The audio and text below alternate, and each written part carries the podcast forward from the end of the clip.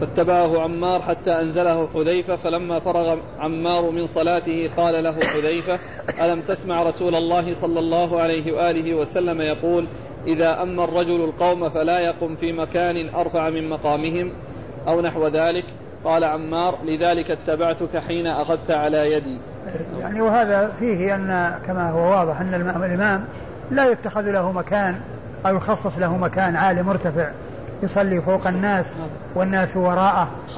هو عالي وهم منخفضون وإنما يكون مثلهم نعم.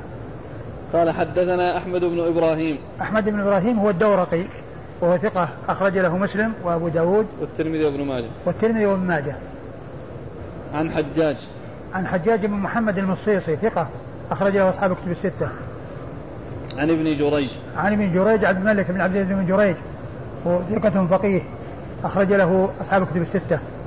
عن أبي خالد. عن أبي خالد وهو شيخ لابن جريج. إيش قال إيش قال يقول يحتمل أن يكون الدالاني وإلا فمجهول. يحتمل أن يكون الدالاني وإلا فمجهول. والدالاني آه، آه، فيه كلام. يعني آه، كثير الخطأ. أظن صدوق كثير الخطأ. أظن هكذا. أبو خالد الدالاني. أظن صدوق كثير الخطأ وإلا فمجهول. يعني فهو إما إما هذا وإما هذا. يعني لم يكن الدالاني فهو مجهول. والدالاني صدوق كثير الخطأ. نعم. و وأخرجه أبو داود وحده. أي. نعم. هذا الرجل مجهول أخرجه أبو داود وحده.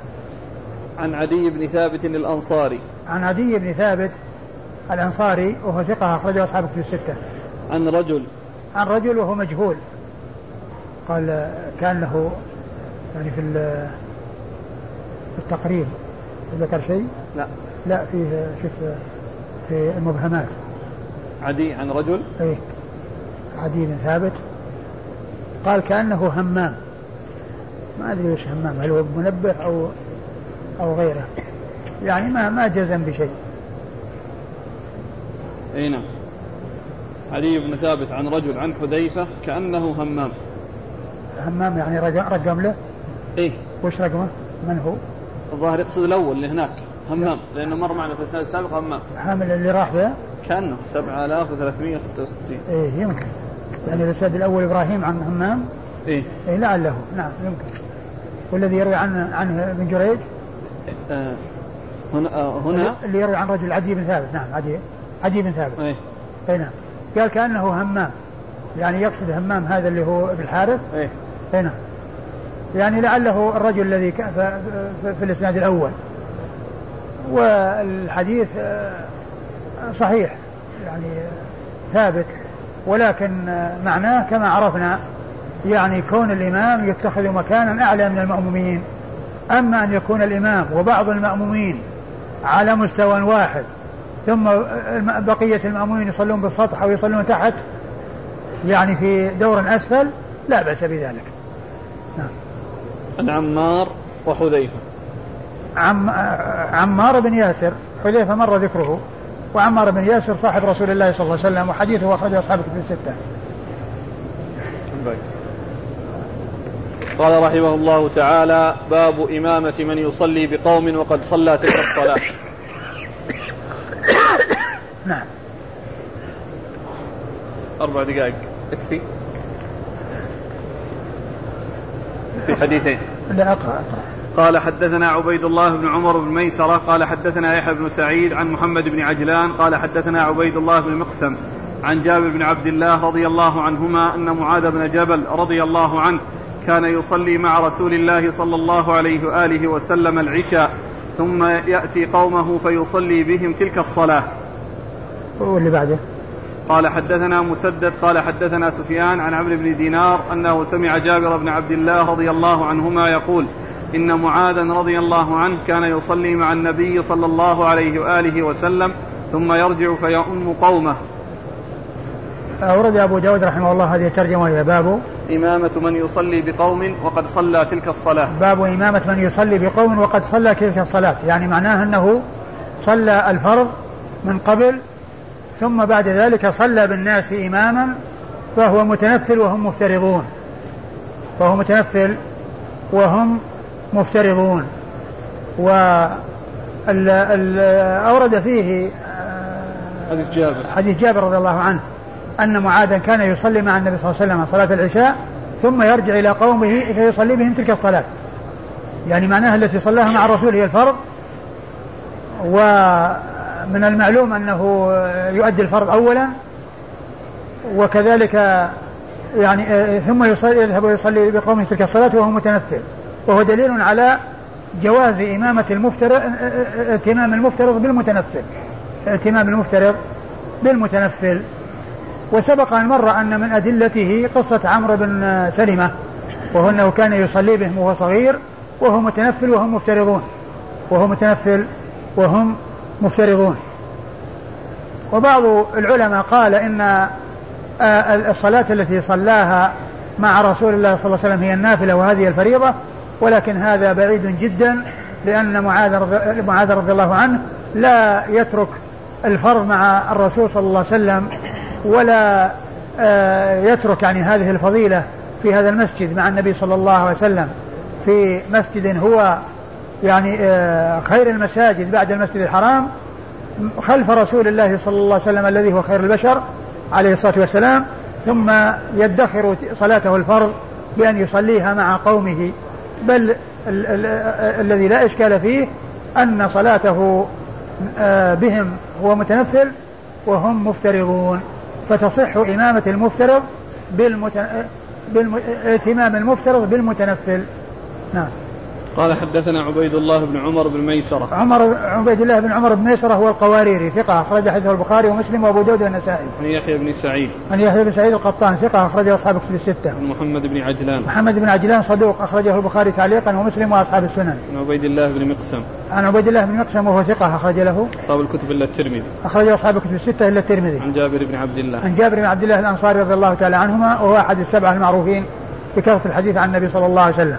قال حدثنا مسدد مسدد بن مسرهد ثقة أخرجه البخاري تعليق البخاري وأبو داود والترمذي والنسائي عن سفيان عن سفيان وهو بن عيينة ثقة أخرجه أصحاب كتب الستة. عن عمرو بن دينار. عن عمرو بن دينار وهو ثقة أخرجه أصحاب كتب الستة. عن جابر بن عبد الله. عن جابر وقد مر ذكره والله أعلم وصلى الله وسلم وبارك على عبده ورسوله نبينا محمد وعلى آله وأصحابه أجمعين. جزاكم الله خيرا وبارك الله فيكم وأحسن الله إليكم. ونفعنا الله بما قلتم. استشكل الإخوان تحشية المحشي على الحديث الأول في باب الإمام يقوم مكانا أرفع من مكان القوم. قال في إسناده رجل مجهول والإسناد أحمد بن سنان وأحمد بن الفرات. لا بس الظاهر أن أن, أن أنه وهم عن الذي بعده. والذي بعده حشي عليه كذلك هو الذي فيه المجهول. أما هذا ما في مجهول. هذا كلهم معروفون. والذي يبدو أنها جاءت خطأ. يعني في الموضع الأول جاءت خطأ. هذا سائل زائر يقول هل يجوز شراء الكفن من المدينة؟ علما بأن الناس في بلدي طلبوا مني أن أشتري لهم كفن من المدينة. الكفن الكفن من المدينة هو ما صنع في المدينة هو جاء من خارج المدينة. فيعني ال ال كونه يعني يشتري كفنا أو لا يشتري كفنا يعني ليس هناك يعني ميزة لأن كونه في المدينة يعني ليس من نتاجها وليس يعني وليس هناك شيء يدل على ذلك. والإنسان ليس المهم أن يأخذ كفنا وإنما المهم أن يقدم عملا صالحا لأن هذا هو الذي ينفعه وهذا هو الذي يجده أمامه. والله تعالى أعلم وصلى الله وسلم وبارك على عبده ورسوله نبينا محمد وعلى آله وأصحابه أجمعين. بسم الله الرحمن الرحيم. الحمد لله رب العالمين. والصلاة والسلام على عبد الله ورسوله نبينا محمد وعلى آله وصحبه أجمعين. قال الإمام أبو داود السجستاني رحمه الله تعالى باب الإمام يصلي من قعود. قال حدثنا القعنبي عن مالك عن ابن شهاب عن أنس بن مالك رضي الله عنه أن رسول الله صلى الله عليه وآله وسلم ركب فرسا فصرع عنه. فجحش شق شقه الأيمن فصلى صلاة من الصلوات وهو قاعد وصلينا وراءه قعودا. فلما انصرف قال إنما جعل الإمام ليؤتم به فإذا صلى قائما فصلوا قياما وإذا ركع فاركعوا وإذا رفع فارفعوا وإذا قال سمع الله لمن حمده فقولوا ربنا ولك الحمد وإذا صلى جالسا فصلوا جلوسا أجمعون. بسم الله الرحمن الرحيم. الحمد لله رب العالمين. وصلى الله وسلم وبارك على عبده ورسوله نبينا محمد وعلى آله وأصحابه أجمعين. أما بعد يقول الإمام أبو داود السجستاني رحمه الله تعالى باب الإمام يصلي من قعود. باب نعم. الإمام يصلي من قعود. نعم. باب الإمام يصلي من قعود. يعني الإمام يصلي قاعدا. وإذا صلى قاعدا كيف يصلي وراءه المأمومون؟ هل يصلون قعودا أو يصلون قياما؟ وهذه المسألة اختلف فيها العلماء فمنهم من قال إنهم يصلون قعودا. أخذا بحديث أنس هذا وغيره من الأحاديث التي فيها أن النبي صلى الله عليه وسلم صلى وصلى معه جماعة من أصحابه قعودا وقال عليه الصلاة والسلام إنما جعل الإمام ليؤتم به وفي آخر الحديث قال وإذا صلى قعودا فصل إذا صلى قاعدا فصلوا قعودا أجمعون. ومن أهل العلم من قال إنه آه، إذا صلى قاعدا فإنهم يصلون قياما. ولا يصلون قعودا ويستدلون على ذلك بما جاء عن رسول الله صلى الله عليه وسلم في آخر صلاة صلاها رسول الله صلى الله عليه وسلم بأصحابه فإنه صلى بهم وهو جالس. وكان أبو بكر رضي الله عنه قد بدأ الصلاة ودخل الرسول صلى الله عليه وسلم معه وهو في أولها فصار رسول الله.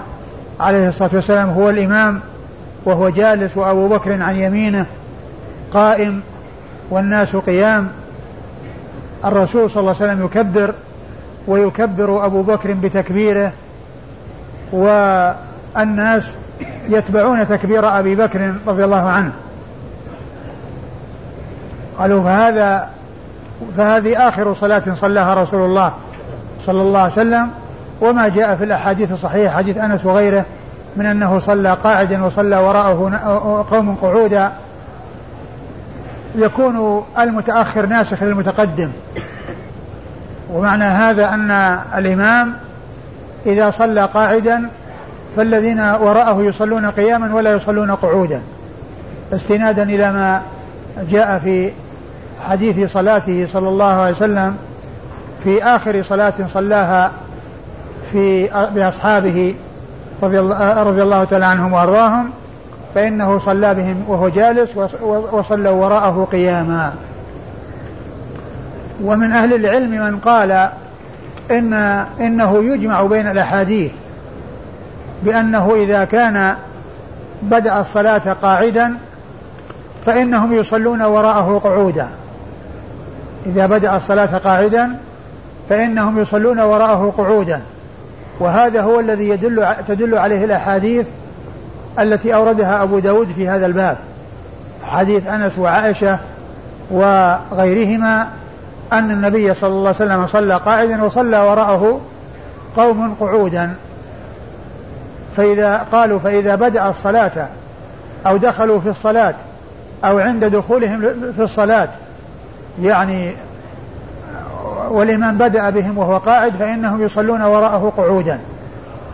وأما إذا كان دخلوا في الصلاة وهم قيام إذا دخلوا في الصلاة وهم قيام فإنهم وإمامهم يعني آه، آه، صلى قاعدا يعني كما جاء في قصة صلاته صلى الله عليه وسلم لأنه ما دخل في الصلاة إلا بعد دخول أبي بكر في الصلاة يعني في أولها. بعدما دخل أبو بكر في الصلاة جاء الرسول صلى الله عليه وسلم وكبر وصار هو إمام الناس. فبعض القيام في الركعة الأولى حصل مع أبي بكر رضي الله عنه وهو إمامهم. ثم جاء رسول الله صلى الله عليه وسلم وجلس عن يسار أبي بكر وصار يكبر وأبو بكر يكبر بتكبيره والناس يكبرون بتكبير أبي بكر. قالوا فيجمع بين الأحاديث بأنه إذا كان بدأ الصلاة قاعدا إمامهم فإنهم يبدأون معه قعودا يصلون معه قعودا الصلاة من أولها إلى آخرها. وإذا بدأوا الصلاة أو حصل بدء الصلاة وهم وهم قيام فإنهم يستمرون قياما. فإنهم يستمرون قياما. بهذا جمع بعض أهل العلم بين هذه الأحاديث. والذي ينبغي أن الإمام إذا كان لا يستطيع أن يصلي بالناس إلا وهو جالس فإن الأولى في حقه أن يدع غيره يصلي وأن يمكن غيره من من الصلاة. يعني حتى وهو يصلي وراءه قاعدا وهو يصلي وراءه قاعدا فيكون هذا فيه احتياط يعني في الدين وخروج من الخلاف. وقد أورد أبو داود حديث أنس بن مالك رضي الله عنه أن النبي عليه الصلاة والسلام ركب فرسا. نعم. أيوه. فصرع عنه فجحش. فصرع عنه فجحش. شقه الأيمن. الرسول صلى الله عليه وسلم ركب فرسا. فسقط أو صرعه الفرس فسقط عليه الصلاة والسلام. فجحش شقه الأيمن. يعني معناه أنه حصل يعني شدخ. أو يعني آه، حك يعني بحيث يعني حصل يعني آه، شيء تألم منه الرسول صلى الله عليه وسلم فلم يستطع مع ذلك أن يصلي قائما. وجاء في بعض الروايات أنه انفكت قدمه كما سيأتي. ويمكن أن يكون الاثنين حصل جميعا وأن تكون قصة واحدة وأنه حصل هذا وهذا. وأحد الرواة ذكر يعني بعض ما حصل وأحدهم ذكر بعض ما حصل.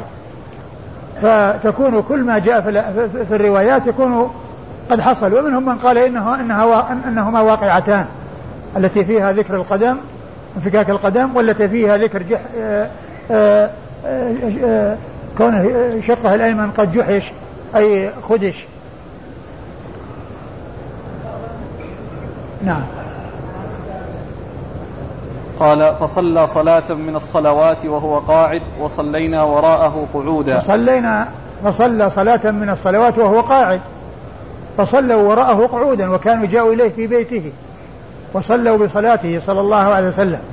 وصلوا معه. فكان صلى وهو قاعد وصلوا وراءه وهم قعود. وقد جاء في بعض الروايات أنه أشار إليهم أن يجلسوا. وقال إن إن إن كنتم أن تفعلوا فعل فارس والروم يقومون على رأس ملوكهم وهم جلوس.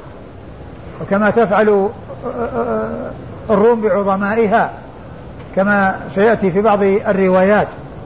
فأشار إليهم أن يجلسوا فجلسوا وكانوا يصلون بصلاته وهو قاعد وهم قعود. أيوة.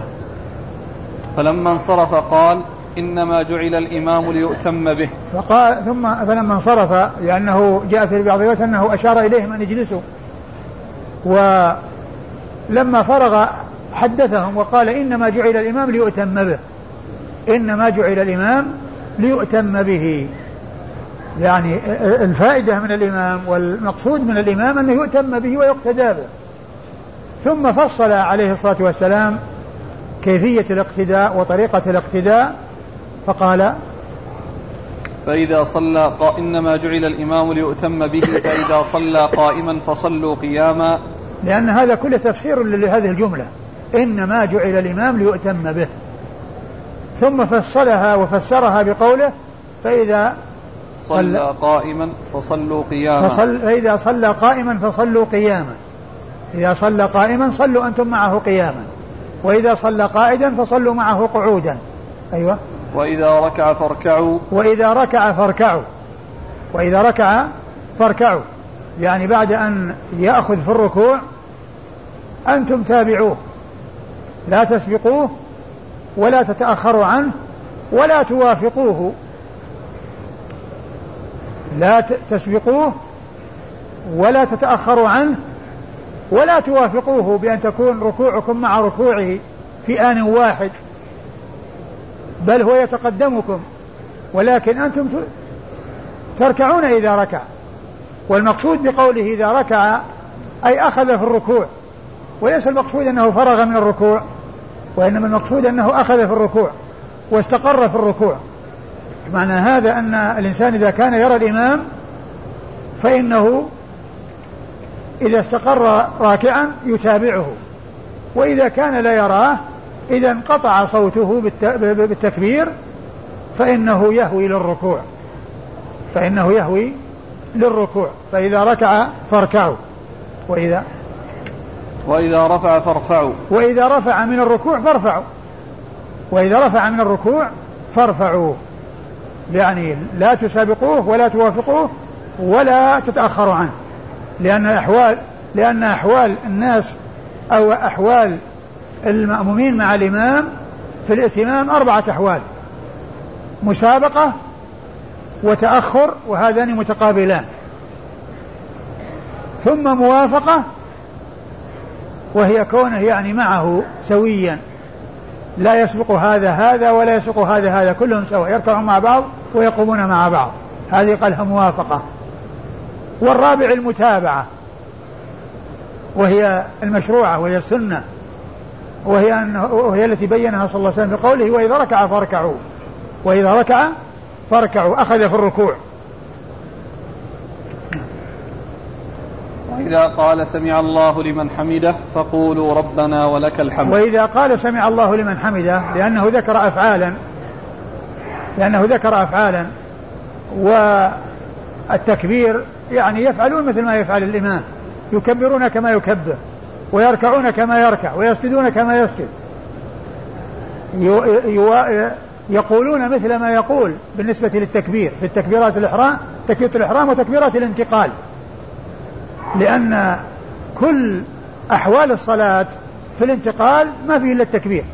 إلا عند الرفع من الركوع فإنه لا يؤتى بالتكبير وإنما يقول سمع الله لمن حمده. ولكن المأموم لا يقول سمع الله لمن حمده. كما يكبر إذا كبر الإمام. ولكن يقول ربنا ولك الحمد. لأن النبي عليه الصلاة والسلام قال وإذا قال سمع الله لمن حمده فقولوا ربنا ولك الحمد. وهذا فيه دليل على أن المأموم لا يقول سمع الله لمن حمده. وإنما يقول ربنا ولك الحمد. لأنه لو كان يقول سمع الله لمن حمده لقال عليه الصلاة والسلام وإذا قال سمع الله لمن حمده فقولوا سمع الله لمن حمده. مثل ما جاء وإذا كبر فكبروا. إذا كبر فكبروا. وإذا قال سمع الله لمن حمده فقولوا سمع الله لمن حمده ما قال هذا رسول الله عليه الصلاة والسلام. وإنما قال وإذا قال سمع الله لمن حمده فقولوا ربنا ولك الحمد. يعني معناه أنتم تقولون شيء وهو يقول شيء. فلا يوافقونه فيما يقول في هذه الحالة لأن النبي صلى الله عليه وسلم بين المخالفة والمفارقة وأن الإمام إذا قال سمع الله لمن حمده يقول المأمون وراء المأمومون وراءه ربنا ولك الحمد. ولا يقولون سمع الله لمن حمده. وهذا هو الذي يدل عليه هذا الحديث والدلالة واضحة. وبعض أهل العلم قال إن المأموم يقول سمع الله لمن حمده ويقول ربنا ولك الحمد. الإمام يقول سمع الله لمن حمده ربنا ولك الحمد.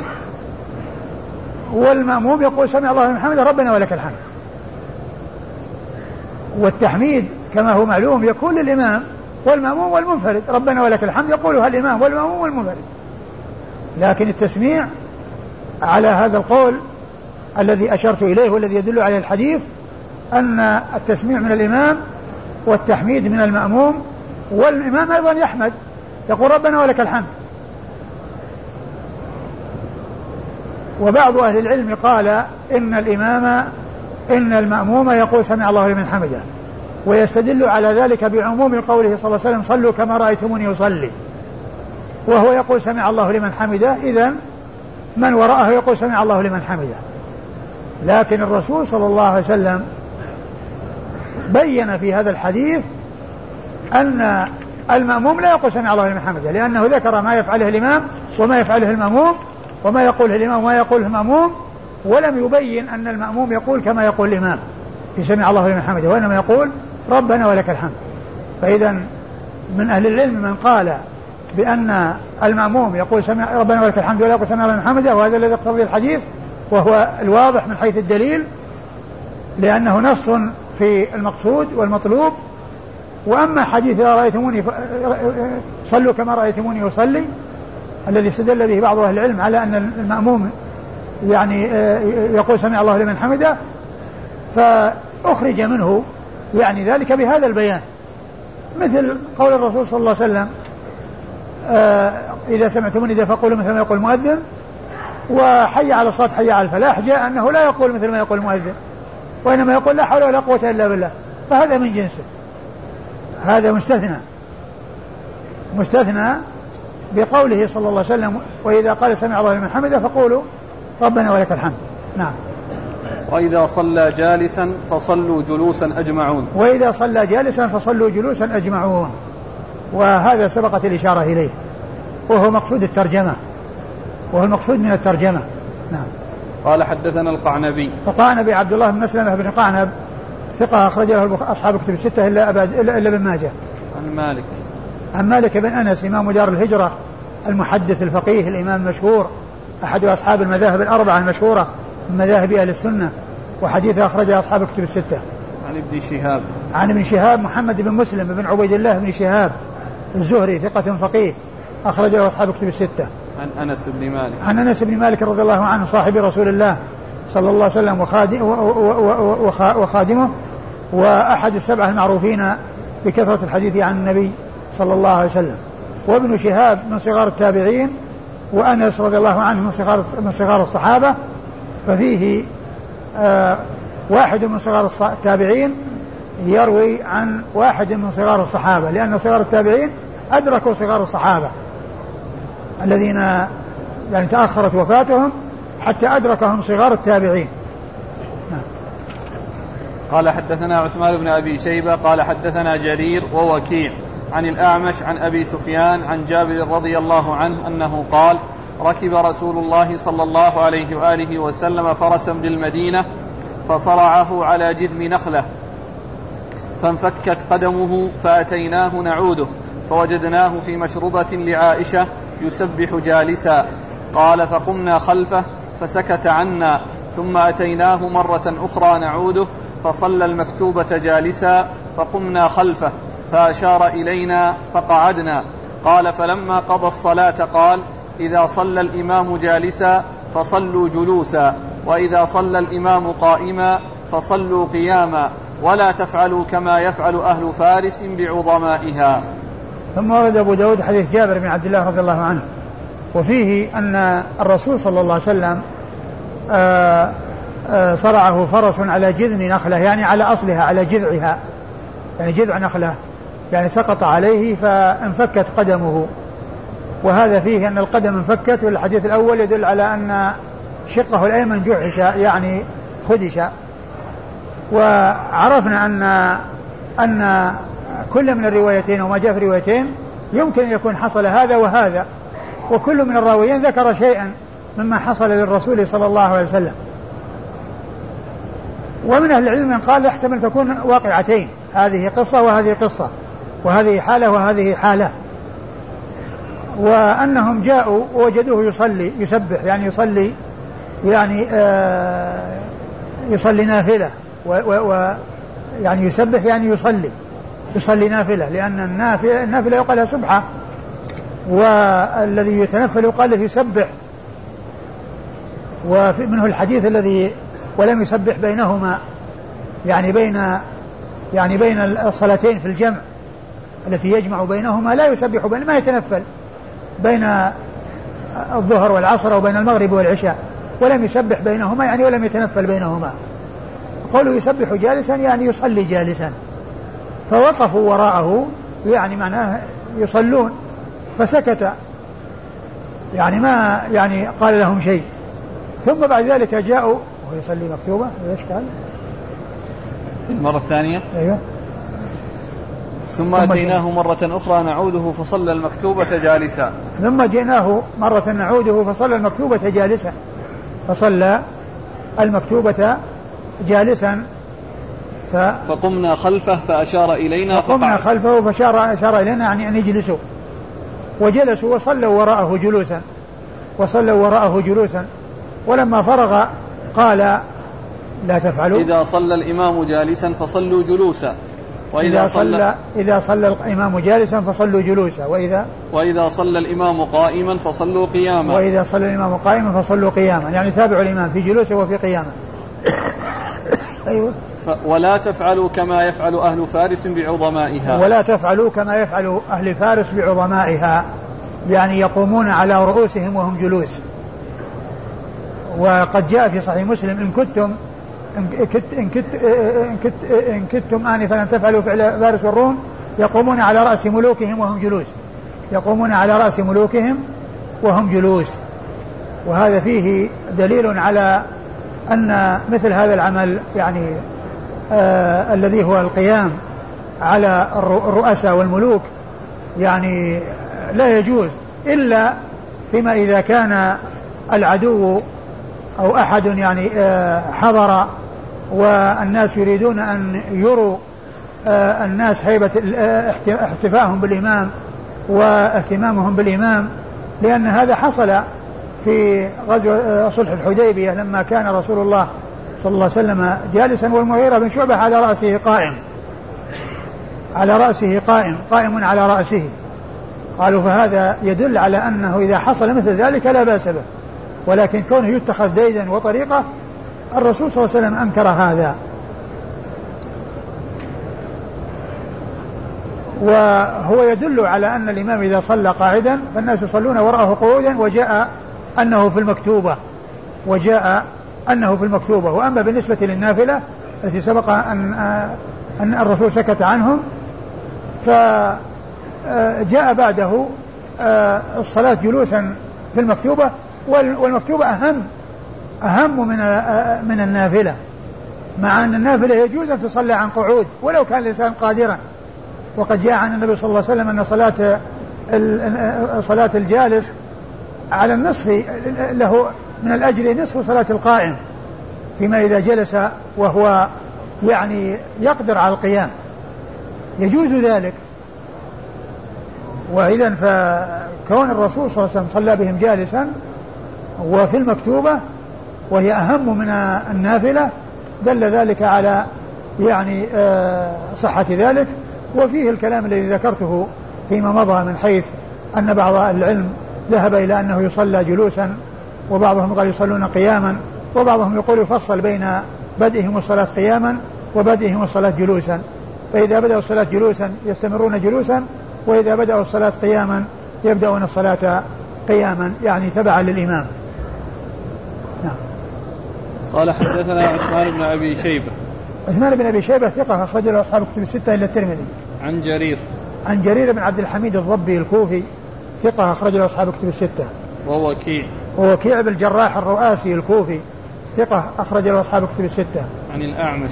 عن الأعمش سليمان بن مهران الكاهلي الكوفي. ثقة أخرج له أصحاب الكتب الستة. عن أبي سفيان. عن أبي سفيان وهو طلحة بن نافع وهو صدوق. صدوق. نعم. أخرج له أصحاب الكتب. أخرج له أصحاب الكتب. عن جابر. عن جابر بن عبد الله الأنصاري رضي الله عنهما صاحب رسول الله صلى الله عليه وسلم صحابي بن صحابي وهو أحد السبعة. المعروفين بكثرة الحديث عن النبي صلى الله عليه وسلم. قال حدثنا سليمان بن حرب ومسلم, ومسلم بن إبراهيم المعنى عن وهيب عن مصعب بن محمد عن أبي صالح عن أبي هريرة رضي الله عنه أنه قال قال رسول الله صلى الله عليه وآله وسلم إنما جعل الإمام ليؤتم به فإذا كبر فكبروا ولا تكبروا حتى يكبر وإذا ركع فاركعوا ولا تركعوا حتى يركع. وإذا قال سمع الله لمن حمده فقولوا اللهم ربنا لك الحمد. قال مسلم ولك الحمد. وإذا سجد فاسجدوا ولا تسجدوا حتى يسجد. وإذا صلى قائما فصلوا قياما. وإذا صلى قاعدا فصلوا قعودا أجمعون. قال أبو داود اللهم ربنا لك الحمد. أفهمني بعض أصحابنا عن سليمان. ثم ورد أبو داود رحمه الله حديث جابر بن عبد حديث أبي هريرة. حديث أبي هريرة رضي الله تعالى عنه أن النبي صلى الله عليه وسلم قال إنما جعل الإمام إنما جعل الإمام ليؤتم به وهذه قضية عامة ما بعدها كله تفسير لها. أيوه. فإذا فإذا كبر فكبروا ولا تكبروا ثم حتى يكبر. ثم إن متابعة الإمام والائتمام بالإمام إنما يكون في يعني آه في في, في, التقدم والتأخر والركوع والسجود. وكذلك يعني آه في الجلوس والقيام. ويعني المتابعة تكون في ذلك. وأما الأمور الأخرى التي هي سنن ومستحبات فالإنسان يفعل السنة وسواء فعلها الإمام ولا ما فعلها. فإذا كان بعض الأئمة لا يرفع يديه عند التكبير. عند الركوع والرفع منه والقيام من التشهد الأول فالمأموم له أن يرفع يديه. لأن هذه سنة سنها رسول الله صلى الله عليه وسلم. وإذا كان الإمام تركها فالمأموم لا ينبغي له أن يتركها. لا ينبغي له أن يتركها. حاصل أن مثل هذه لا يقال أن الإنسان يتابع إمامه لأن هذا يلزم منه أنه يعرف طريقة إمامه قبل أن يصلي وراءه. بحيث أنه يدرس أو يعرف إمامه وش يسوي وإذا جاء إنسان يريد أن يصلي وراء إنسان إمام يعني يحتاج إلى أن يعرف كيف يعني هذه الأمور هل يفعلها ولا يفعلها. يفعل الإنسان السنة فعل الإمام ولا ما فعلها الإمام؟ ما دام أنه يعني لا يختلف عن الإمام في ركوع ولا سجود ولا يتأخر عنه ولا يسابقه ولا يوافقه ولا وإنما هذا الشيء الذي تركه الإمام وهو سنة يفعله يفعله المأموم يفعله المأموم. فإذا المتابعة إنما تكون بالقيام والقعود والركوع والسجود وما إلى ذلك. إنما جعل الإمام ليأتم فإذا كبر فكبروا. فإذا كبر فكبروا. يعني كبر للإحرام أو كبر للانتقال. يعني لأنه كل خفض ورفع فيه تكبير. إلا عند الرفع من الركوع ففيه سمع الله لمن حمده من المأموم من الإمام وربنا ولك الحمد يعني من المأموم وكذلك أيضا من الإمام. ربنا ولك الحمد. فإذا كبر فكبروا.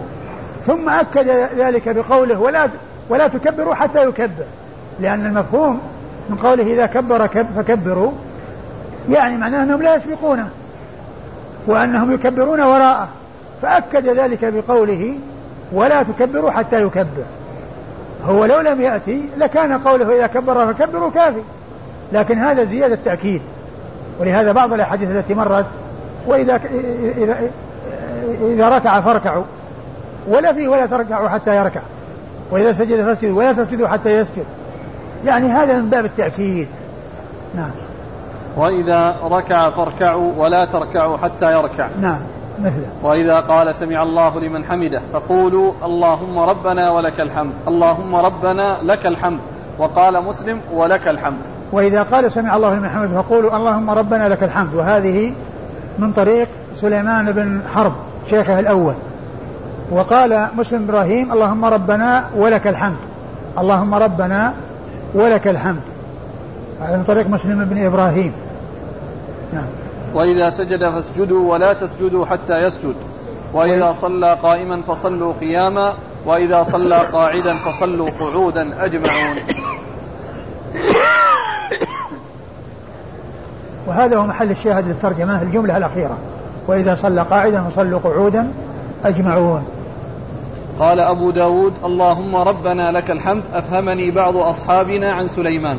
أه لما ذكر أبو داود الحديث من طريق شيخيه سليمان بن حرب ومسلم بن إبراهيم وكان قد أه فهم أو عرف أو أخذ عن شيخيه أه لفظ الحديث كاملة إلا أنه في روايته عن سليمان بن حرب شيخه الأول ما كان يعني ضبط اللهم ربنا لك الحمد إما أن يكون يعني ما سمعها يعني خفي اللفظ وهو يحدث أو أنه سمع ولكنه يعني ما كان فهمه فأفهمه بعض أصحابه.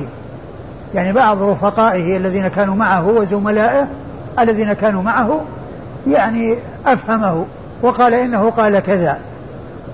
يعني ف وهذا من وهذا من الاحتياط والتوقي والإتقان والعناية. يعني كون أبو داود رحمه الله لما يعني ما ضبط هذه اللفظة من شيخه إما لكونه ما سمعها أو سمعها يعني آآ ولم يفهمها يعني كون الصوت يعني ما كان يعني متضح تماما في هذه الجملة أفهمه إياه بعض أصحابه. يعني أصحاب أبي داود هم رفقائه وزملائه الذين كانوا يتلقون معه من سليمان بن حرب. الذين كانوا يتلقون معه من سليمان بن حرب بن حرب. نعم. قال حدثنا سليمان بن حرب. سليمان بن حرب ثقة أخرجه أصحاب كتب الستة. ومسلم, ومسلم بن إبراهيم ثقة أخرجه أصحاب كتب الستة. المعنى. المعنى يعني آه، المعنى متحد والألفاظ مختلفة. عن وهيب. عن وهيب بن خالد ثقة أخرجه أصحاب كتب الستة. عن مصعب بن محمد. عن مصعب بن محمد وهو لا بأس به أخرج له. أبو داود والنسائي بن ماجه. أبو داود والنسائي بن ماجه. عن أبي صالح. عن أبي صالح ذكوان السمان ثقة أخرج له أصحاب كتب الستة. عن أبي هريرة عبد الرحمن بن صخر الدوسي صاحب رسول الله. صلى الله عليه وسلم وأحد السبعة المعروفين بكثرة الحديث عن النبي صلى الله عليه وسلم. وهذه الأحاديث الثلاثة التي مرت آه، أنس عن أنس وعن جابر وعن أبي هريرة هؤلاء الثلاثة كلهم من السبعة المعروفين بكثرة الحديث عن النبي صلى الله عليه وسلم. قال حدثنا محمد بن آدم المصيصي قال حدثنا أبو خالد عن ابن عجلان عن زيد بن أسلم عن أبي صالح عن أبي هريرة رضي الله عنه. عن النبي صلى الله عليه وآله وسلم أنه قال إنما جعل الإمام ليؤتم به بهذا الخبر. زاد وإذا قرأ فأنصتوا. قال أبو داود وهذه الزيادة إذا قرأ فأنصتوا ليست بمحفوظة. الوهم عندنا من أبي خالد.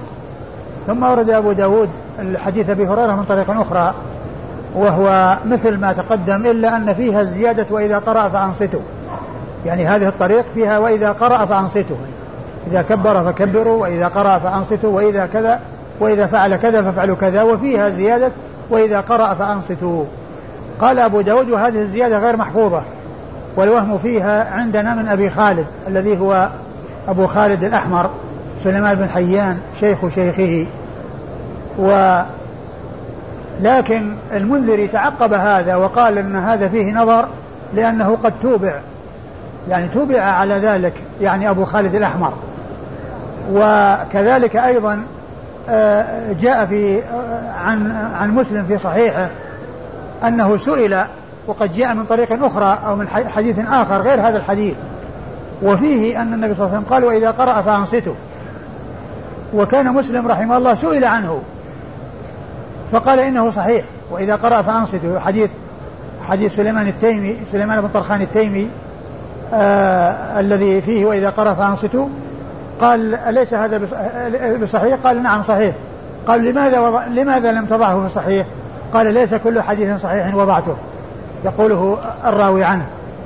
يعني ليس كل حديث صحيح وضعته فهو حكم بصحته وأشار إلى ذلك في صحيحه عندما سئل عنه. وأنه لما سئل لماذا لم يذكره في كتابه؟ قال ليس كل صحيح وضعته وإنما ذكرت بعض الصحيح. لأن كما هو معلوم البخاري ومسلم ما التزم أن يخرج كل حديث صحيح. كم من حديث صحيح ما خرجه الشيخان؟ وما أكثر الأحاديث الصحيحة التي ما خرجها الشيخان؟ ومسلم رحمه الله أشار إلى هذا بها في هذه المناسبة. وعلى هذا فالحديث جاء من حديث أبي هريرة ومن غيره وجاء أيضا يعني من حديث أبي هريرة متابعا فيه أبو خالد ويعني وجاء من طريق سليمان بن طرخان التيمي الذي حكم مسلم بصحته وقال إنه صحيح. ثم أيضا هو المطابق للفظ القرآن وإذا قرأ القرآن فاستمعوا له وأنصتوا لعلكم ترحمون.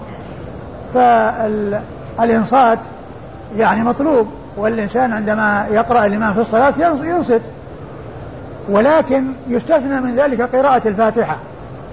فإن فإن الصحيح أن المأموم يقرأ الفاتحة والإمام يقرأ السورة. وهذه مستثنات لأن النبي صلى الله عليه وسلم أشار إلى ذلك. لما قال ما لأنازع القراءة لا تفعلوا إلا بفاتحة الكتاب. لا تفعلوا يعني لا تقرأوا.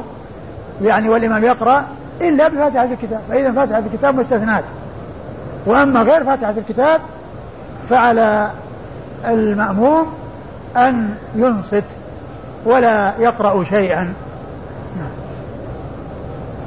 قال حدثنا محمد بن آدم المصيصي. محمد بن آدم المصيصي الجهني صدوق أخرج حديثه أبو داود والنسائي. عن أبي خالد. عن أبي خالد الأحمر وهو سليمان بن حيان وهو صدوق. يخطئ. صدوق يخطئ أخرج حديثه أصحاب الكتب. أخرج حديثه أصحاب الكتب الستة. عن ابن عجلان. عن ابن عجلان محمد بن عجلان المدني صدوق أخرج حديثه البخاري تعليقا تعليقا ومسلم وأصحاب السنن. عن زيد بن أسلم. عن زيد بن أسلم وهو ثقة أخرجه أصحاب كتب الستة. عن أبي صالح عن أبي هريرة. عن أبي صالح عن أبي هريرة وقد مر ذكرهما. قال حدثنا القعنبي عن مالك عن هشام بن عروة عن أبيه عن عائشة زوج النبي صلى الله عليه وآله وسلم ورضي الله عنها أنها قالت صلى رسول الله صلى الله عليه وآله وسلم في بيته وهو جالس فصلى وراءه قوم قياما فأشار إليهم أن يجلسوا. فلما انصرف قال إنما جعل الإمام ليؤتم به فإذا ركع فاركعوا وإذا رفع فارفعوا وإذا صلى جالسا فصلوا جلوسا. ثم ورد حديث عائشة وهو مثل ما تقدم من الأحاديث يعني في يعني في آه، ائتمام المأمومين, المأمومين بالإمام ومتابعتهم له وعدم مسابقتهم له وأنه إذا صلى جالسا يصلون جلوسا. ويعني عائشة من من السبعة المعروفين بكثرة الحديث عن النبي صلى الله عليه وسلم فإذا مر بنا أربعة في هذا الباب كلهم من السبعة المعروفين بكثرة الحديث عن النبي صلى الله عليه وسلم. قال حدثنا القعنبي. القعنبي مر ذكره. عن مالك مر عن هشام بن عروة. هشام بن عروة ثقة أخرجه أصحاب كتب الستة. عن أبيه. عن أبيه عروة بن الزبير بن العوام وهو ثقة فقيه من فقهاء المدينة السبعة في عصر التابعين. أخرج له أصحاب كتب الستة.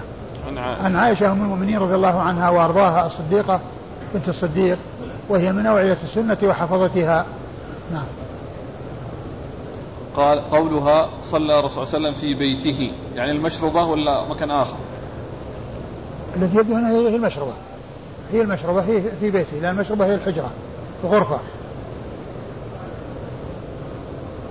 قال حدثنا قتيبة بن سعيد ويزيد بن خالد بن موهب المعنى أن الليث حدثهم عن أبي الزبير عن جابر رضي الله عنه أنه قال اشتكى النبي صلى الله عليه وآله وسلم فصلينا وراءه وهو قاعد وأبو بكر رضي الله عنه يكبر ليسمع الناس تكبيره ثم ساق الحديث ثم ورد أبو داود رحمه الله حديث جابر. حديث جابر بن عبد الله رضي الله عنه وأن أنه أن إيش؟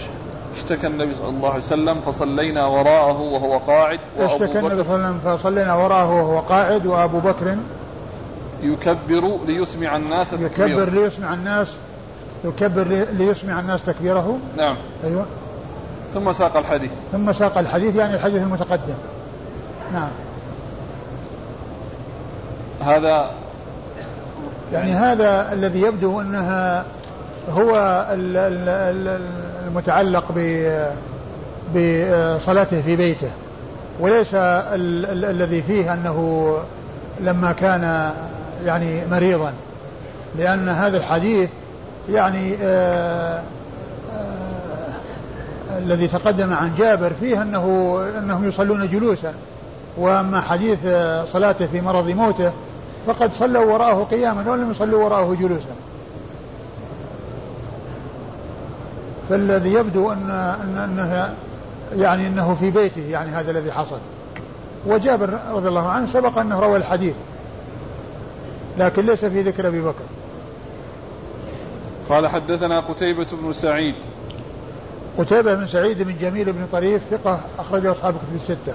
ويزيد بن خالد بن موهب. ويزيد بن خالد بن موهب وهو ثقة أخرجه أبو داود والنسائي وابن ماجه. وهو ثقة أخرجه أبو داود والنسائي وابن ماجه. المعنى أن الليث حدثهم. الليث بن سعد المصري ثقة فقيه أخرج له أصحاب كتب الستة. عن أبي الزبير.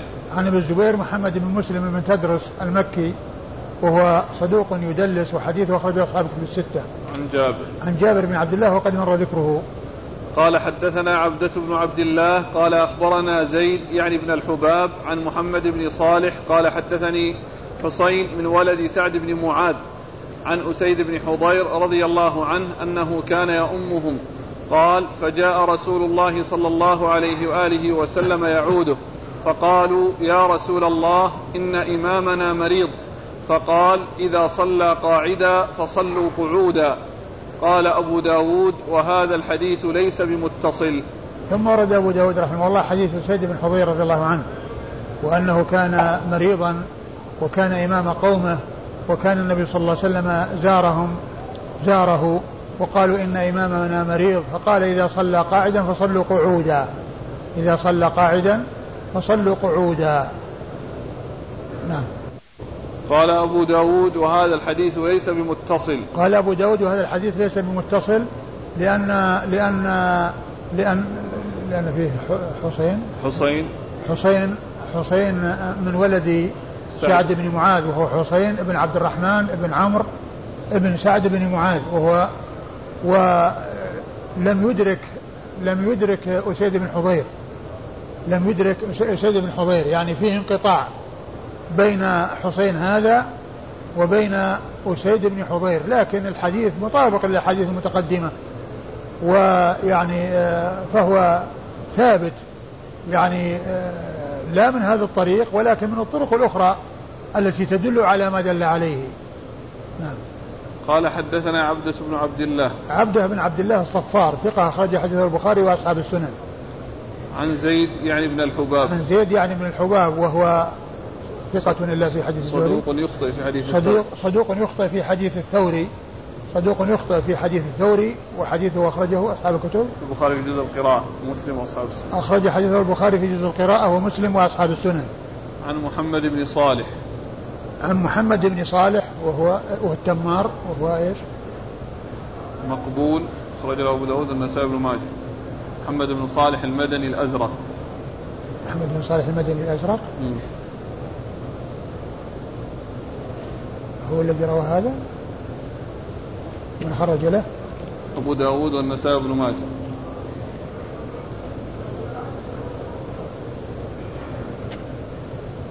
في في التمار أن يعني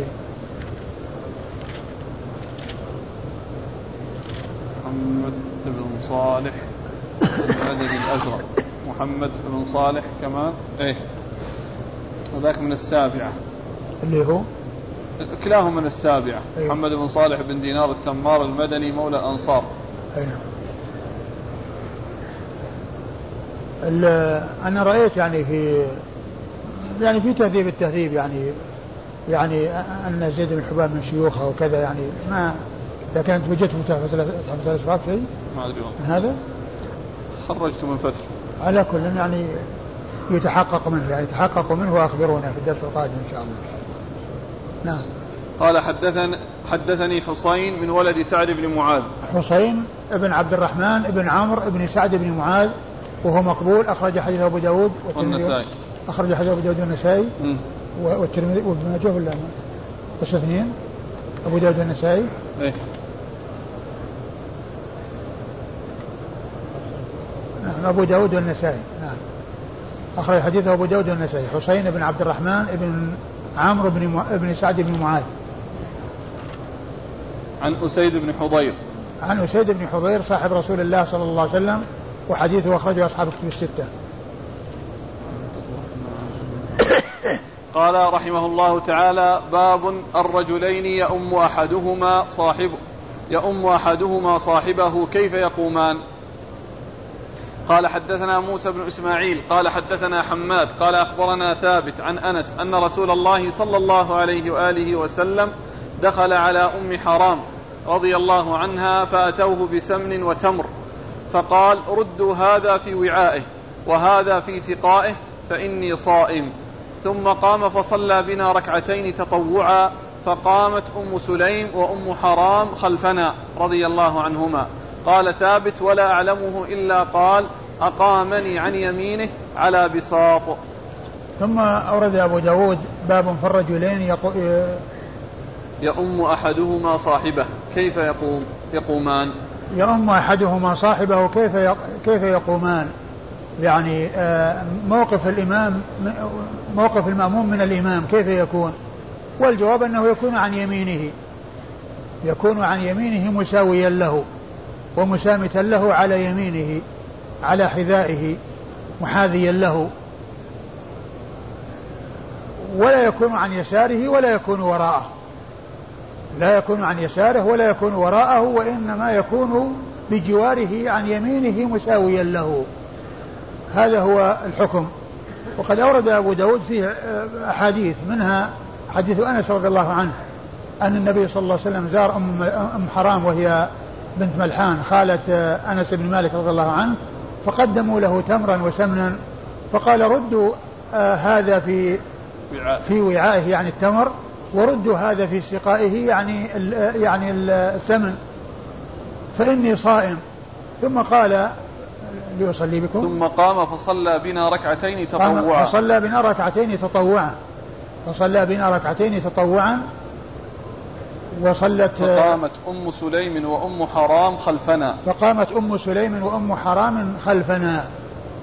قامت أم, أم, أم سليم وأم حرام يعني أم سليم أمه وأم حرام خالته خلفهم يعني صفا.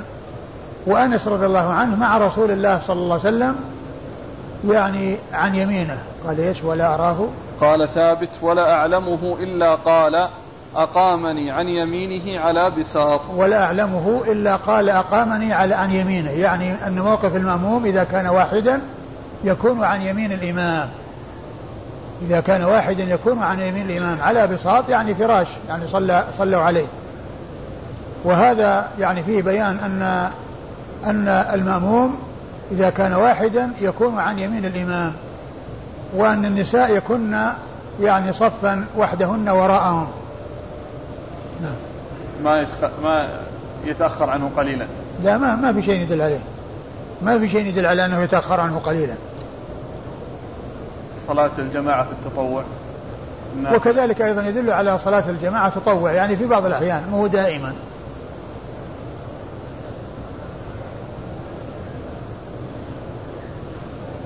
قال حدثنا موسى بن إسماعيل. موسى بن إسماعيل التبوذكي ثقة أخرج له أصحاب الكتب الستة. عن حماد. عن حماد بن سلمة ثقة أخرج له البخاري تعليقا ومسلم وأصحاب السنن. عن ثابت. عن ثابت بن أسلم البناني ثقة أخرج له أصحاب الكتب الستة. عن أنس. عن أنس وقد مر ذكره. هذا الحديث من الرباعيات من رباعيات أبي داود وهي أعلى ما يكون عند أبي داود. نعم. وأول حديث. أول وأول حديث نعم كذلك. حديث يقع النبي عن مالك عن ابن شهاب عن, شهاب عن أنس. نعم وكذلك الرباعي نعم. قال حدثنا حفص بن عمر قال حدثنا شعبة عن عبد الله بن المختار عن موسى بن أنس يحدث عن أنس رضي الله عنه أن رسول الله صلى الله عليه وآله وسلم أمه وامرأة منهم فجعله عن يمينه والمرأة خلف ذلك.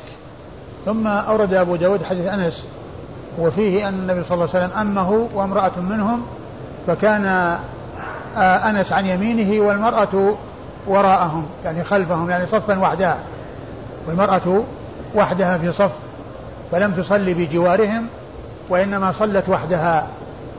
وهذا يدل على ما دل عليه الحديث السابق على أن المأموم إذا كان واحدا يكون عن يمين الإمام وأن المرأة تكون آه، أن النساء يكون خلف خلف ال ال خلفهم وأنها حتى ولو كانت واحدة فإنها تكون صفا وحدها. ولا تصف بجوار الرجال. ولا تصف بجوار الرجال. وهذا يفيدنا أن المرأة يعني سواء كانت واحدة أو أكثر فإنها تصف يصففن يعني على حدة أو المرأة وحدها دون أن تخالط الرجال ودون أن تكون مع الرجال. بل لو صلى رجل وامرأة فإن فإنها تكون صفا وراءه. ولا تكون بجواره ولو كانت زوجته ولو كانت قريبته فإنها تكون وراءهم فإنها تكون وراءهم فلا تكون بجوارهم. واستدل بهذا بعض أهل العلم على أن المرأة لا يجوز أن تكون إمامة للرجال وذلك أنها إذا لم يعني يؤذن لها بأن تكون صفا معهم وهم و و و والذي على وقد يكون من أقاربها فإنها لا يعني يجوز لها أن تكون من باب أولى ألا تكون يعني إمامة للرجال وأنها لا تعم الرجال. نعم. قال حدثنا حفص بن عمر. حفص بن عمر ثقة أخرج حديث البخاري وأبو داود والنسائي. عن شعبة. عن شعبة بالحجاج الواسطي ثم البصري ثقة. أخرج له أصحاب الكتب الستة. عن عبد الله بن المختار. عن عبد الله بن المختار وهو صدوق. لا بأس به. وهو لا بأس به وبمعنى صدوق أخرج حديثه. مسلم وأبو داود والترمذي في الشمائل والنسائي بن ماجه. مسلم وأبو داود والترمذي في الشمائل والنسائي وابن ماجه. عن موسى بن أنس.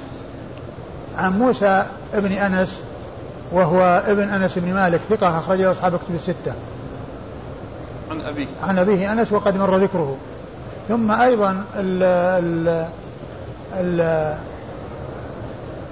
الحديث يعني كون المرأة تكون يعني آه، صفا وحدها يعني يدل على أن قوله لا صلاة لمنفرد خلف الصف أنه لا تكون النساء كذلك لأن النساء لا تصف مع الرجال بل تصف وحدها.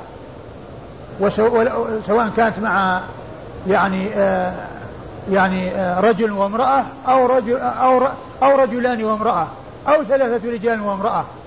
فإذا كانوا رجل وامرأة يعني المأموم بجوار الإمام والمرأة وراءه. وإن كانوا اثنين الاثنان صفا وراءه والمرأة وحدها صفا وراءهم. فإذا يكون قوله لا صلاة منفرد خلف الصف يكون في حق الرجال ولا يكون في حق النساء بل المرأة تصلي يعني آه تصلي آه وحدها صفا. نعم. حتى لو كانت جماعة نساء تنفرد عنهن؟ والله يعني الذي يبدو أن أن حكم المرأة يختلف. لكن إذا كانت لكن إذا كانت إذا كان النساء كلهن يصلين هل تدخل أو لا تدخل لا أدري قال حدثنا مسدد قال حدثنا يحيى عن عبد الملك بن أبي سليمان عن عطاء عن ابن عباس رضي الله عنهما أنه قال بت في بيت خالتي ميمونة رضي الله عنها فقام رسول الله صلى الله عليه وآله وسلم من الليل فأطلق القربة فتوضأ ثم أوكأ القربة ثم قام إلى الصلاة فقمت فتوضأت كما توضأ ثم جئت فقمت عن يساره فأخذني بيمينه فأدارني من ورائه فأقامني عن يمينه فصليت معه. ثم ورد أبو داود حديث ابن عباس رضي الله عنهما وأنه بات عند خالته ميمونة وأن النبي صلى الله عليه وسلم قام من الليل وأخذ ماء من القربة وتوضأ وشرع في الصلاة. فقام ابن عباس وتوضأ وجاء وصف بجوار رسول الله صلى الله عليه وسلم من جهة اليسار فأداره الرسول صلى الله عليه وسلم عن يمينه.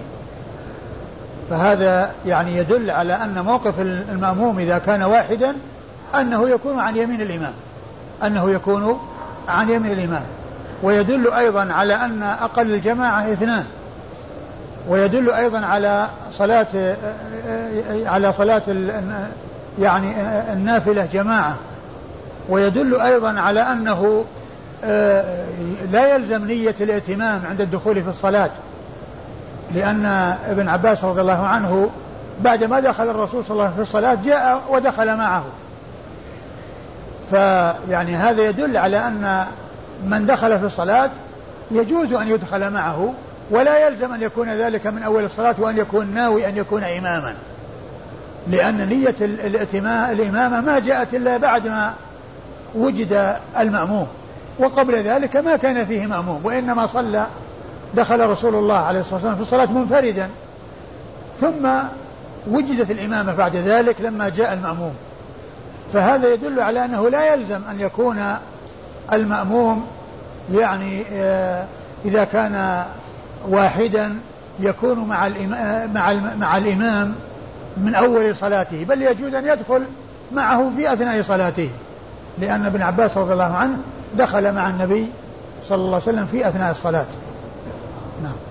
يجوز التحول من مأموم إلى إمام. يعني مثل الآن إنسان يأتي وقد فاتت الصلاة فوجد من يقضي بعض الركعات فدخل معه. دخل منه المسبوق إيه. المسبوق إنسان فاتته الصلاة. نعم يمكن يمكن. يمكن أن يدخل مع من من يعني من يقضي. يمكن. في الحديث الحركة في الصلاة. وأيضا يدل على أن مثل هذه الحركة أنها لا تؤثر قال حدثنا مسدد مسدد بن مسرهد ثقة أخرج حديث البخاري وأبو داود والترمذي والنسائي عن يحيى عن يحيى بن سعيد القطان ثقة أخرج له أصحاب الكتب الستة. عن عبد الملك بن أبي سليمان. عن عبد الملك بن أبي سليمان صدوق له أوهام أخرج حديثه. البخاري تعليقا. البخاري تعليقا ومسلم وأصحاب السنة. عن عطاء. عن عطاء بن أبي رباح المكي ثقة أخرجه أصحاب الكتب الستة. عن ابن عباس. عن ابن عباس وقد مر ذكره.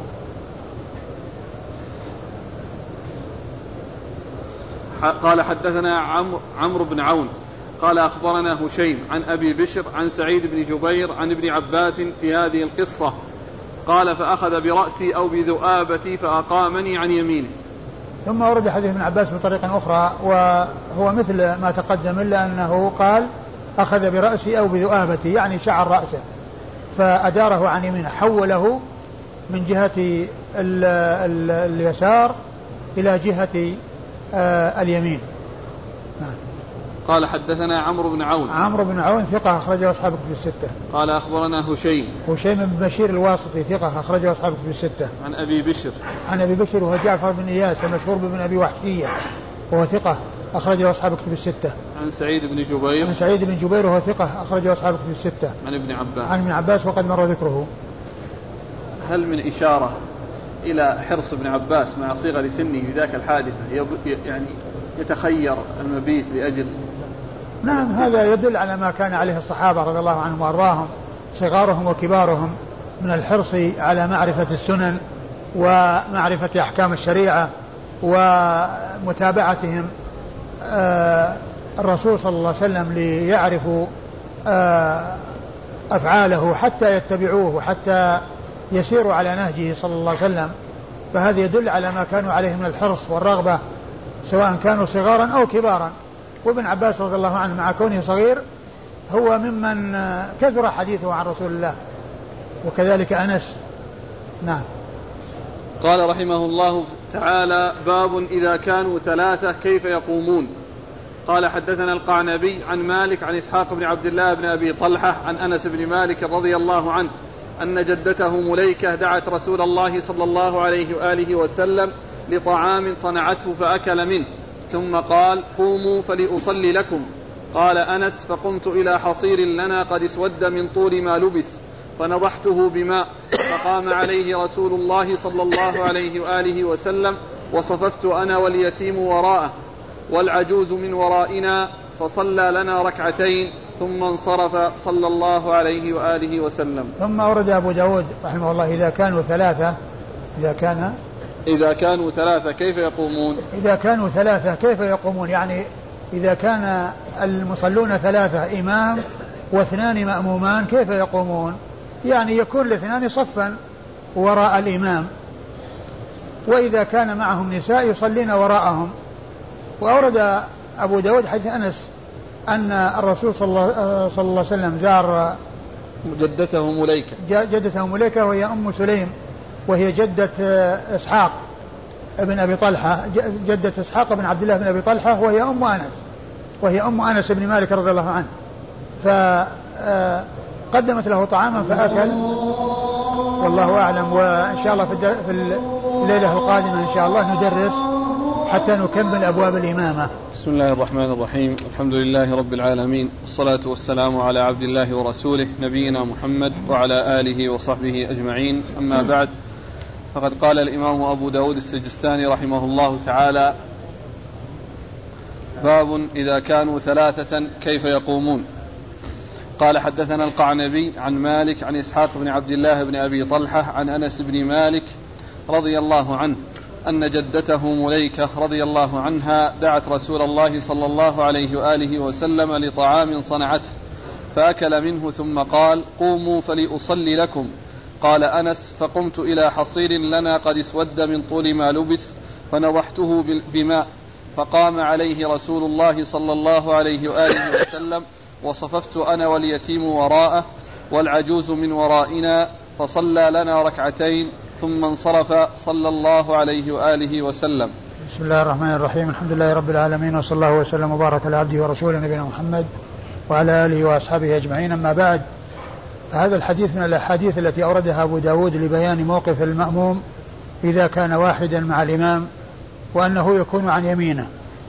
ومن جملة ما أورده تحت هذه الترجمة حديث أنس هذا الذي فيه أن جد أن أن مليكة وهي أم سليم أم أنس بن مالك وهي جدة إسحاق إسحاق بن عبد الله بن أبي طلحة صنعت طعاما للنبي صلى الله عليه وسلم فجاء وأكل من الطعام ثم قام قوموا فليصلي لكم ثم إنه صلى ركعتين وكان أنس عن يمينه وكان أنس وال إذا كانوا ثلاثة الترجمة فيما إذا كانوا ثلاثة وأنهم يكونون يكون الإمام أمامهم وهم يصفون صفا والنساء تكون من وراء. والذين كانوا حضروا الصلاة مع النبي صلى الله عليه وسلم يعني هم أنس ويتيم ومليكة التي هي أم سليم فكان أن صف رسول الله صلى الله عليه أن صلى رسول الله عليه الصلاة والسلام وصف أنس واليتيم وراءه وكانوا صفا وفي هذا دليل على مصافة الصبي المميز وأنه يمكن أن يكون مع واحد صفا والمرأة تكون وراءهم إن كان إن كانت عددا فهي وراءهم وإن كانت واحدة فهي وراءهم. ولا تصف المرأة في جوار الرجال ولو كانوا من ذوي محارمها بل لو كان رجل واحد وامرأة واحدة وصلى جماعة فإن الرجل يكون في الأمام والمرأة تكون وراءه. لا تصف عن يمينه وإنما الذي يصف عن يمينه الرجل. والإسناد؟ قال حدثنا القعنبي. القعنبي عبد الله بن مالك عبد الله بن مسلمة القعنبي ثقة أخرج له أصحاب الكتب إلا ابن ماجه. عن مالك بن أنس إمام دار الهجرة المحدث الفقيه الإمام المشهور أحد أصحاب المذاهب الأربعة وحديثه أخرجه أصحاب الكتب الستة. عن إسحاق بن عبد الله بن أبي طلحة وهو ثقة أخرج له أصحاب الكتب الستة. عن أنس بن مالك وهو صاحب رسول الله عليه الصلاة والسلام وخادمه وأحد السبعة المعروفين بكثرة الحديث عن النبي صلى الله عليه وسلم. وهذا الحديث من من الرباعيات التي هي أعلى الأسانيد عند النساء لأنه بين النساء وبين رسول الله صلى الله عليه وسلم فيها أربعة فيه أربعة أشخاص وهم القعنبي ومالك وإسحاق بن عبد الله بن أبي طلحة وأنس بن مالك. نعم. قال حدثنا عثمان بن أبي شيبة قال حدثنا محمد بن فضيل عن هارون بن عنترة عن عبد الرحمن بن الأسود عن أبيه أنه قال استاذن علقمة والأسود على عبد الله رضي الله عنه وقد كنا أطلنا القعود على بابه فخرجت الجارية فاستأذنت لهما فأذن لهما ثم قام فصلى بيني وبينه ثم قال هكذا رأيت رسول الله صلى الله عليه وآله وسلم فعل. ثم أورد حديث أورد أبو داود حديث عبد الله بن مسعود. رضي الله عنه وهو أنه جاء إليه الأسود وقي وعلقمة ودخل عليه فصلى بهم وكان بينهما. يعني الإمام صار بين المأمومين. يعني واحد عن يمينه والثاني عن شماله. وهذا يخالف ما تقدم من الأحاديث التي فيها أن الثلاثة إذا كانوا ثلاثة فيتقدمهم واحد منهم والإثنان يكونون يكونان وراءه حتى لو كان أحد الاثنين آه، صبيا مميزا فإنه يكون صفا ويعتد به في الصف. وهذا الذي في الحديث مخالف لما تقدم. فيحمل أو حمله العلماء على واحد من أمرين. إما أنه كان المكان ضيق وأنه ليس هناك مجال لأن يتقدم الإمام ويتأخر المأمومون أو أن ذلك مما كان أولا ثم نسخ مثل التطبيق الذي كان جاء عن ابن مسعود رضي الله عنه وهو كون الإنسان في ركوعه يعني لا يجعل اليدين على الركبتين وإنما يجعلهما بعض ويجعلهما بين الفخذين. هذا يسمى التطبيق. وقد جاء فيه حديث صحيحة ولكنه منسوخ.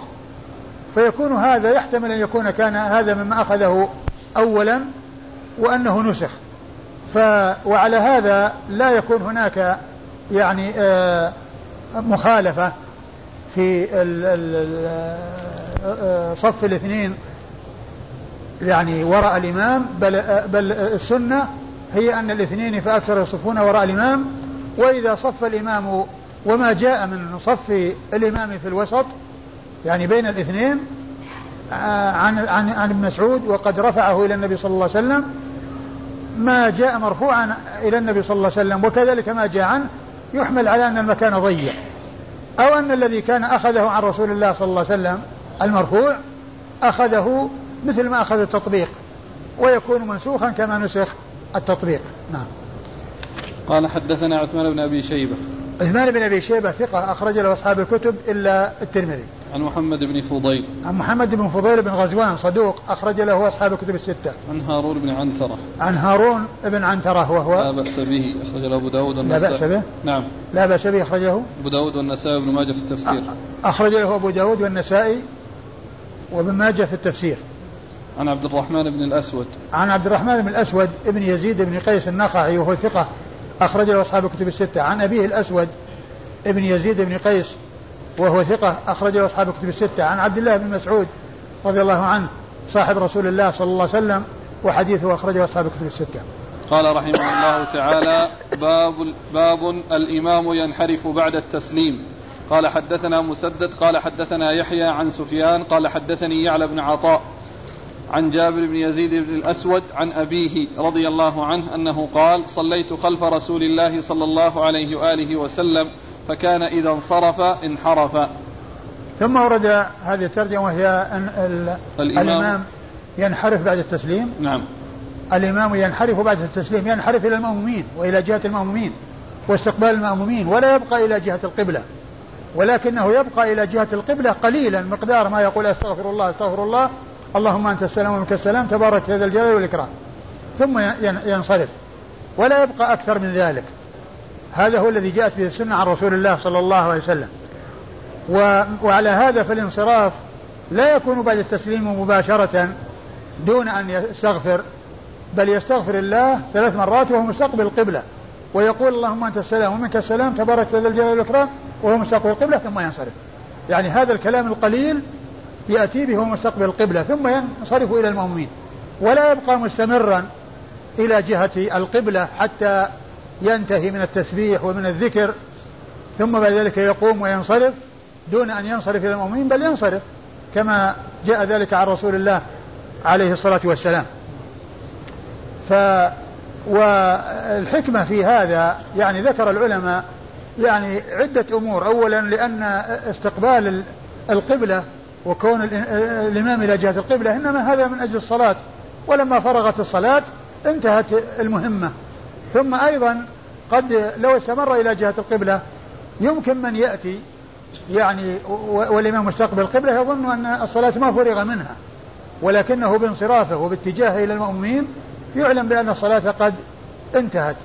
والسنة جاءت عن رسول الله عليه الصلاة والسلام فيتبع النبي الكريم عليه الصلاة والسلام فيما جاء به فالإمام لا يبقى إلى جهة القبلة إلا مقدار ما يقول أستغفر الله أستغفر الله أستغفر الله. اللهم أنت السلام ومنك السلام. تبارك يا ذا الجلال والإكرام. ثم ينصرف للمأمومين ويأتي بالذكر الباقي وهو إلى جهة المأمومين. نعم. أورد حديث يزيد بن الأسود وأورد حديث يزيد بن الأسود وهو في هذا. إيش قال؟ صليت خلف رسول الله صلى الله عليه وسلم فكان إذا انصرف انحرف. فكان صليت خلف رسول الله صلى الله عليه وسلم فكان إذا إذا إذا انصرف انحرف. إذا انصرف انحرف. إذا انصرف من الصلاة يعني. انحرف إلى جهة المأمومين. إذا انصرف من الصلاة يعني فرغ من الصلاة. لأن الانصراف يطلق يعني على الفراغ من الصلاة. لا تسبقوني بالركوع ولا بالسجود ولا بالانصراف يعني بالسلام. يعني لا يسلمون قبله كما أنهم لا يسجدون قبله ولا يركعون قبله. فكان إذا انصرف انحرف يعني إلى جهة المأمومين. انحرف إلى جهة المأمومين ولكن جاء أنه أن أن أن أن, أن, أنه كان يقول أستغفر الله أستغفر الله أستغفر الله. اللهم أنت السلام ومنك السلام. تبارك ذا الجلال والإكرام. نعم. قال حدثنا مسدد. مسدد بن مسرهد البصري ثقة. أخرج له البخاري وأبو داود والترمذي والنسائي. عن يحيى. عن يحيى بن سعيد القطان ثقة. أخرج له أصحاب كتب الستة. عن سفيان. عن سفيان الثوري، سفيان بن سعيد بن مسروق الثوري ثقة فقيه.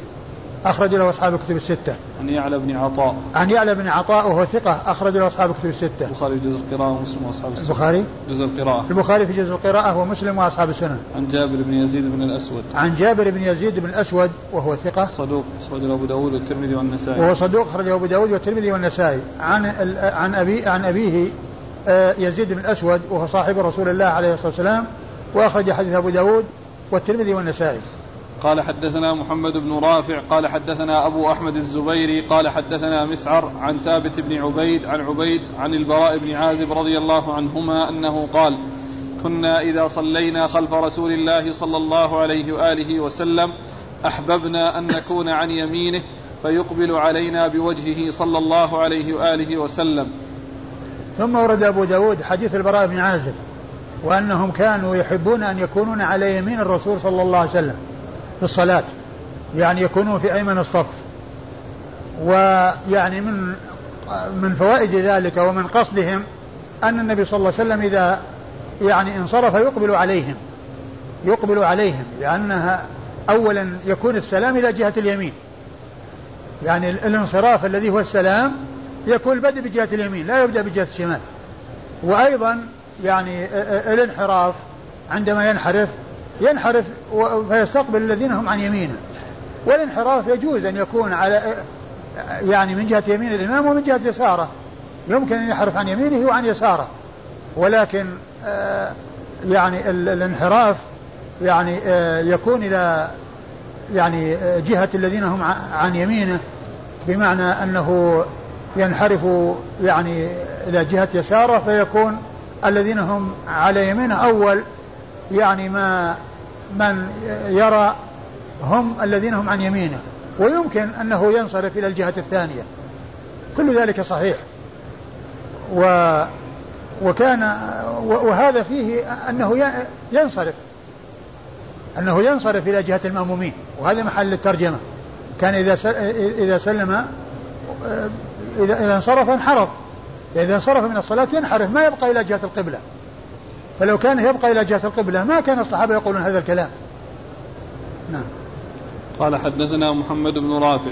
محمد بن رافع النيسابوري القشيري ثقة أخرج له أصحاب الكتب الستة إلا ابن ماجه. عن أبي أحمد الزبيري. عن أبي أحمد الزبيري وهو محمد بن عبد الله بن الزبير.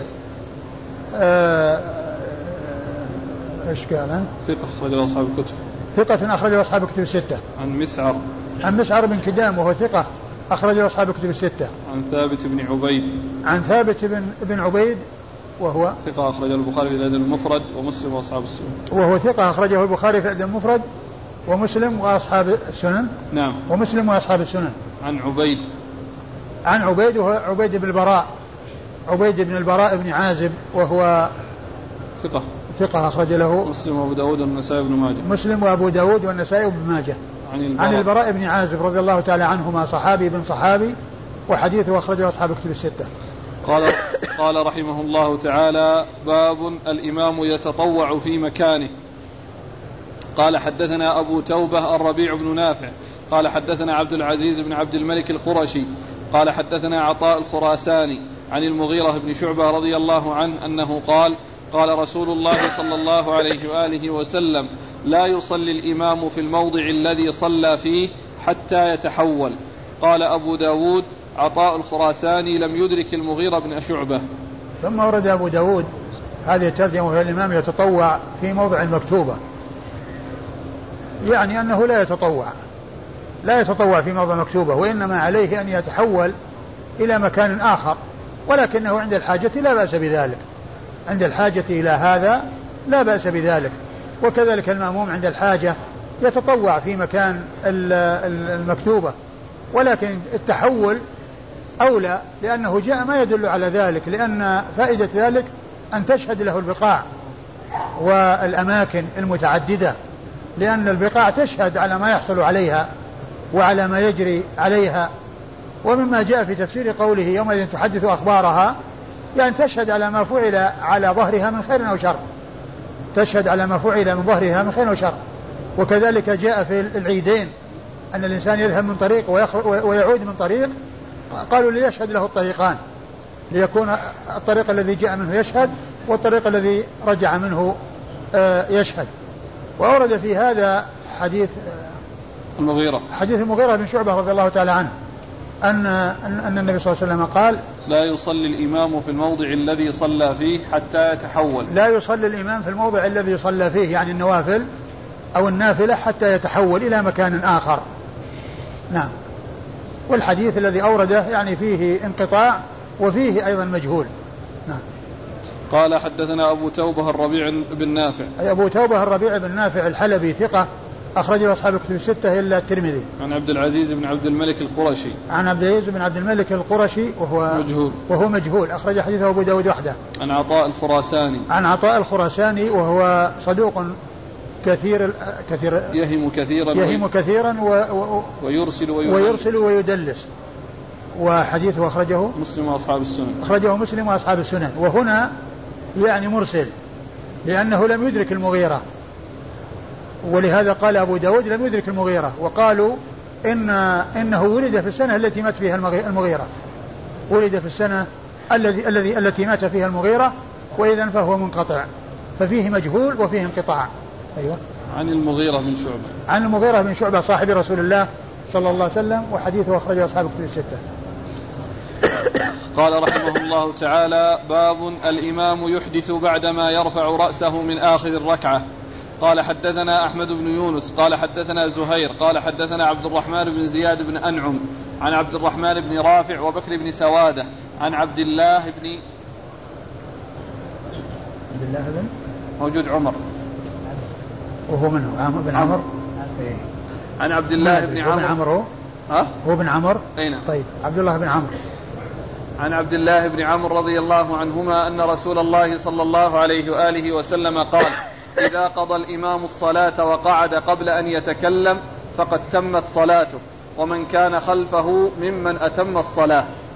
ثم ورد أبو داود هذه الترجمة وهي باب الإمام يحدث بعدما يرفع رأسه من آخر الركعة. الإمام يحدث بعدما يرفع رأسه من آخر الركعة يعني إذا انتهى من الركعة الأخيرة سواء كانت ثانية أو ثالثة أو رابعة فإذا يعني آه، حصل منه يعني آه، حدث أو حصل منه كلام بعد ذلك فيعني معناه أن صلاته تمت وكذلك الذين دخلوا معه من أول الصلاة تمت صلاتهم. أما من كان مسبوقا فإنه يقوم ويقضي ما فاته. أما من كان مسبوقا فإنه يقضي ما فاته. والحديث يعني ضعيف وأيضا يعني فيما آه، جاء فيه في, في أن التشهد يعني ليس بلازم وكذلك الصلاة على الرسول صلى الله عليه وسلم ومن المعلوم أن التشهد ركن وأن الصلاة ركن من أركان الصلاة. ولكن الذي جاء عن الحنفية أنه إذا فرغ من التشهد وقبل التسليم أن التسليم يعني إذا, إذا لو حصل أن أحدث قبل أن يسلم فإن صلاته صحيحة. ولكن الحديث الذي سيأتي بعد هذا يدل على أنه لا يخلص من الصلاة إلا بالتسليم. لا يدل, يدل على أنه لا ينتهى من الصلاة إلا بالتسليم. وأنه لو أحدث قبل أن يسلم فصلاته باطلة وأن عليه أن يتوضأ ويعيد الصلاة. لأن الصلاة لا تتم إلا بالتسليم. لأنه قد جاء عن النبي صلى الله عليه وسلم أنه قال تحريمها التكبير وتحليلها التسليم. فكأنه لا كما أنه لا يدخل فيها إلا ب يعني بال لا يدخل في الصلاة إلا بالتكبير فلا تنتهي الصلاة إلا بالتسليم. لا تنتهي الصلاة إلا بالتسليم. وعلى هذا فالحديث ضعيف ولا يعول عليه نعم قال حدثنا أحمد بن يونس أحمد بن يونس أحمد بن عبد الله بن يونس المصري ثقة أخرج له أصحاب الكتب الستة. عن زهير. عن زهير بن معاوية هو ثقة أخرج له أصحاب الكتب الستة. عن عبد الرحمن بن زياد بن أنعم. عن عبد الرحمن بن زياد بن أنعم الإفريقي وهو ضعيف أخرج له. البخاري في الأدب المفرد وأبو داود الترمذي وابن ماجه. البخاري في المفرد وأبو داود والترمذي وابن ماجه. عن عبد الرحمن بن رافع. عن عبد الرحمن بن رافع وهو مجهول. ضعيف. وهو ضعيف نعم وهو ضعيف أخرجه أبو داود وحده. عبد الرحمن. عبد الرحمن بن رافع. من مجهول. ضعيف.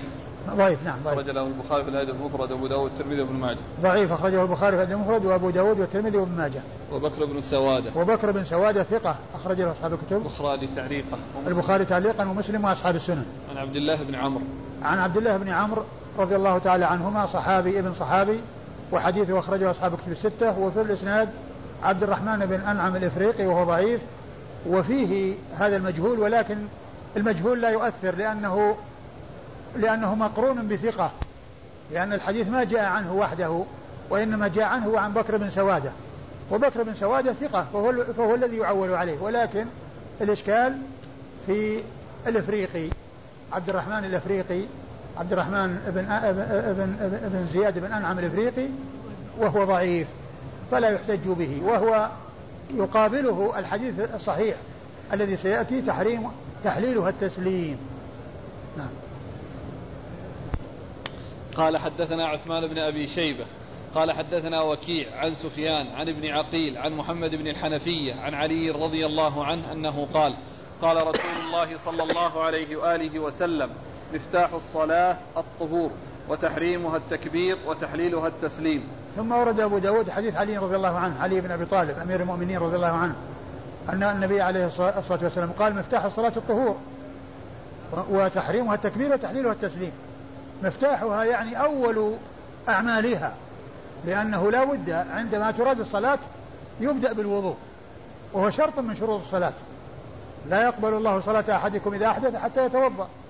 فإذا مفتاح الصلاة يعني الإنسان إذا أراد أن يصلي يبدأ بالوضوء يتوضأ يتطهر أو يتيمم إذا كان ما هناك يعني ليس هناك ماء أو كان الماء موجودا ولكنه لا يقدر على استعماله فإنه يتيمم. وهذا هو الطهور الماء أو ما يقوم مقامه الذي هو التيمم. وتحريمها التكبير. بمعنى أن أن الإنسان قبل أن يقول الله أكبر ويدخل في الصلاة كل يحل له الأمور اللي تحل له. يحل له الأكل والشرب والكلام والالتفات قبل أن يقول الله أكبر.